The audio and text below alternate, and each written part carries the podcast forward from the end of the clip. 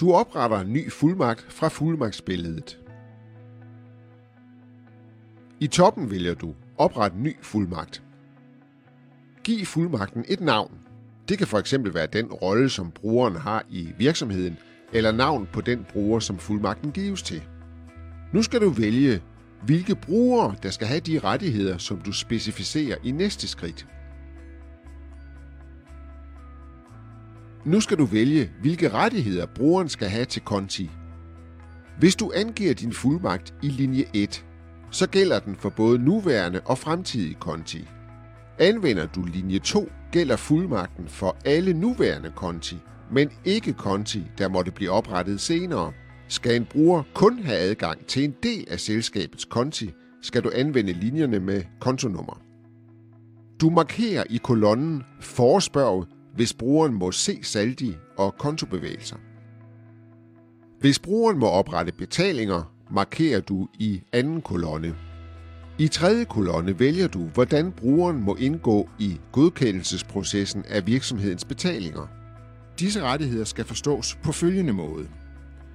En bruger med D-prokura kan førstehåndsgodkende betalinger, der derefter skal godkendes af en kollega med A, B eller C-prokura.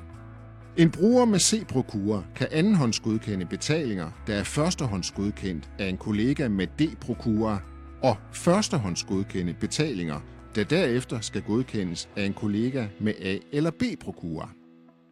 En bruger med B-Procure kan andenhåndsgodkende betalinger, der er førstehåndsgodkendt af en kollega med B, C eller D-Procure, og førstehåndsgodkende betalinger, der derefter skal godkendes af en kollega med A- eller B-Procure.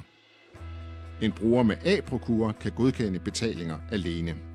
Beskrivelsen finder du også på infoikonet.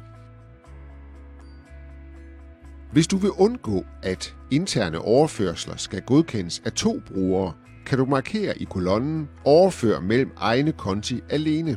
Hvis Jyske Bank har registreret flere selskaber som en samlet koncern, vil betalinger mellem disse selskaber også blive betragtet som interne overførsler. Hvis der er adgang til flere selskaber, kan du nu åbne det næste selskab og tildele rettigheder til dette selskab.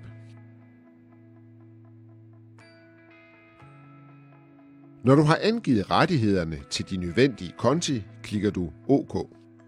Hvis et eller flere af selskaberne har værdipapirdepoter, som brugerne skal have adgang til, skal disse registreres særskilt. Her gælder det også, at den øverste linje under hvert selskab dækker nuværende og fremtidige depoter, mens linje 2 kun dækker nuværende depoter. Registrer de ønskede rettigheder.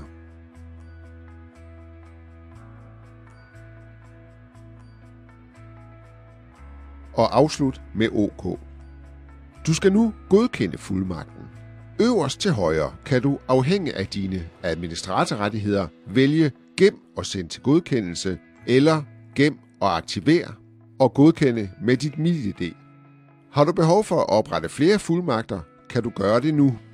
Administrationsrettighederne er, ligesom betalingsgodkendelser, delt op, så man enten kan godkende alene, eller at man skal have en administrator-kollega til at andenhåndsgodkende oprettelser og ændringer. Hvis der skal flere administratorer til at godkende fuldmagten, kan den næste administrator nu aktivere fuldmagterne.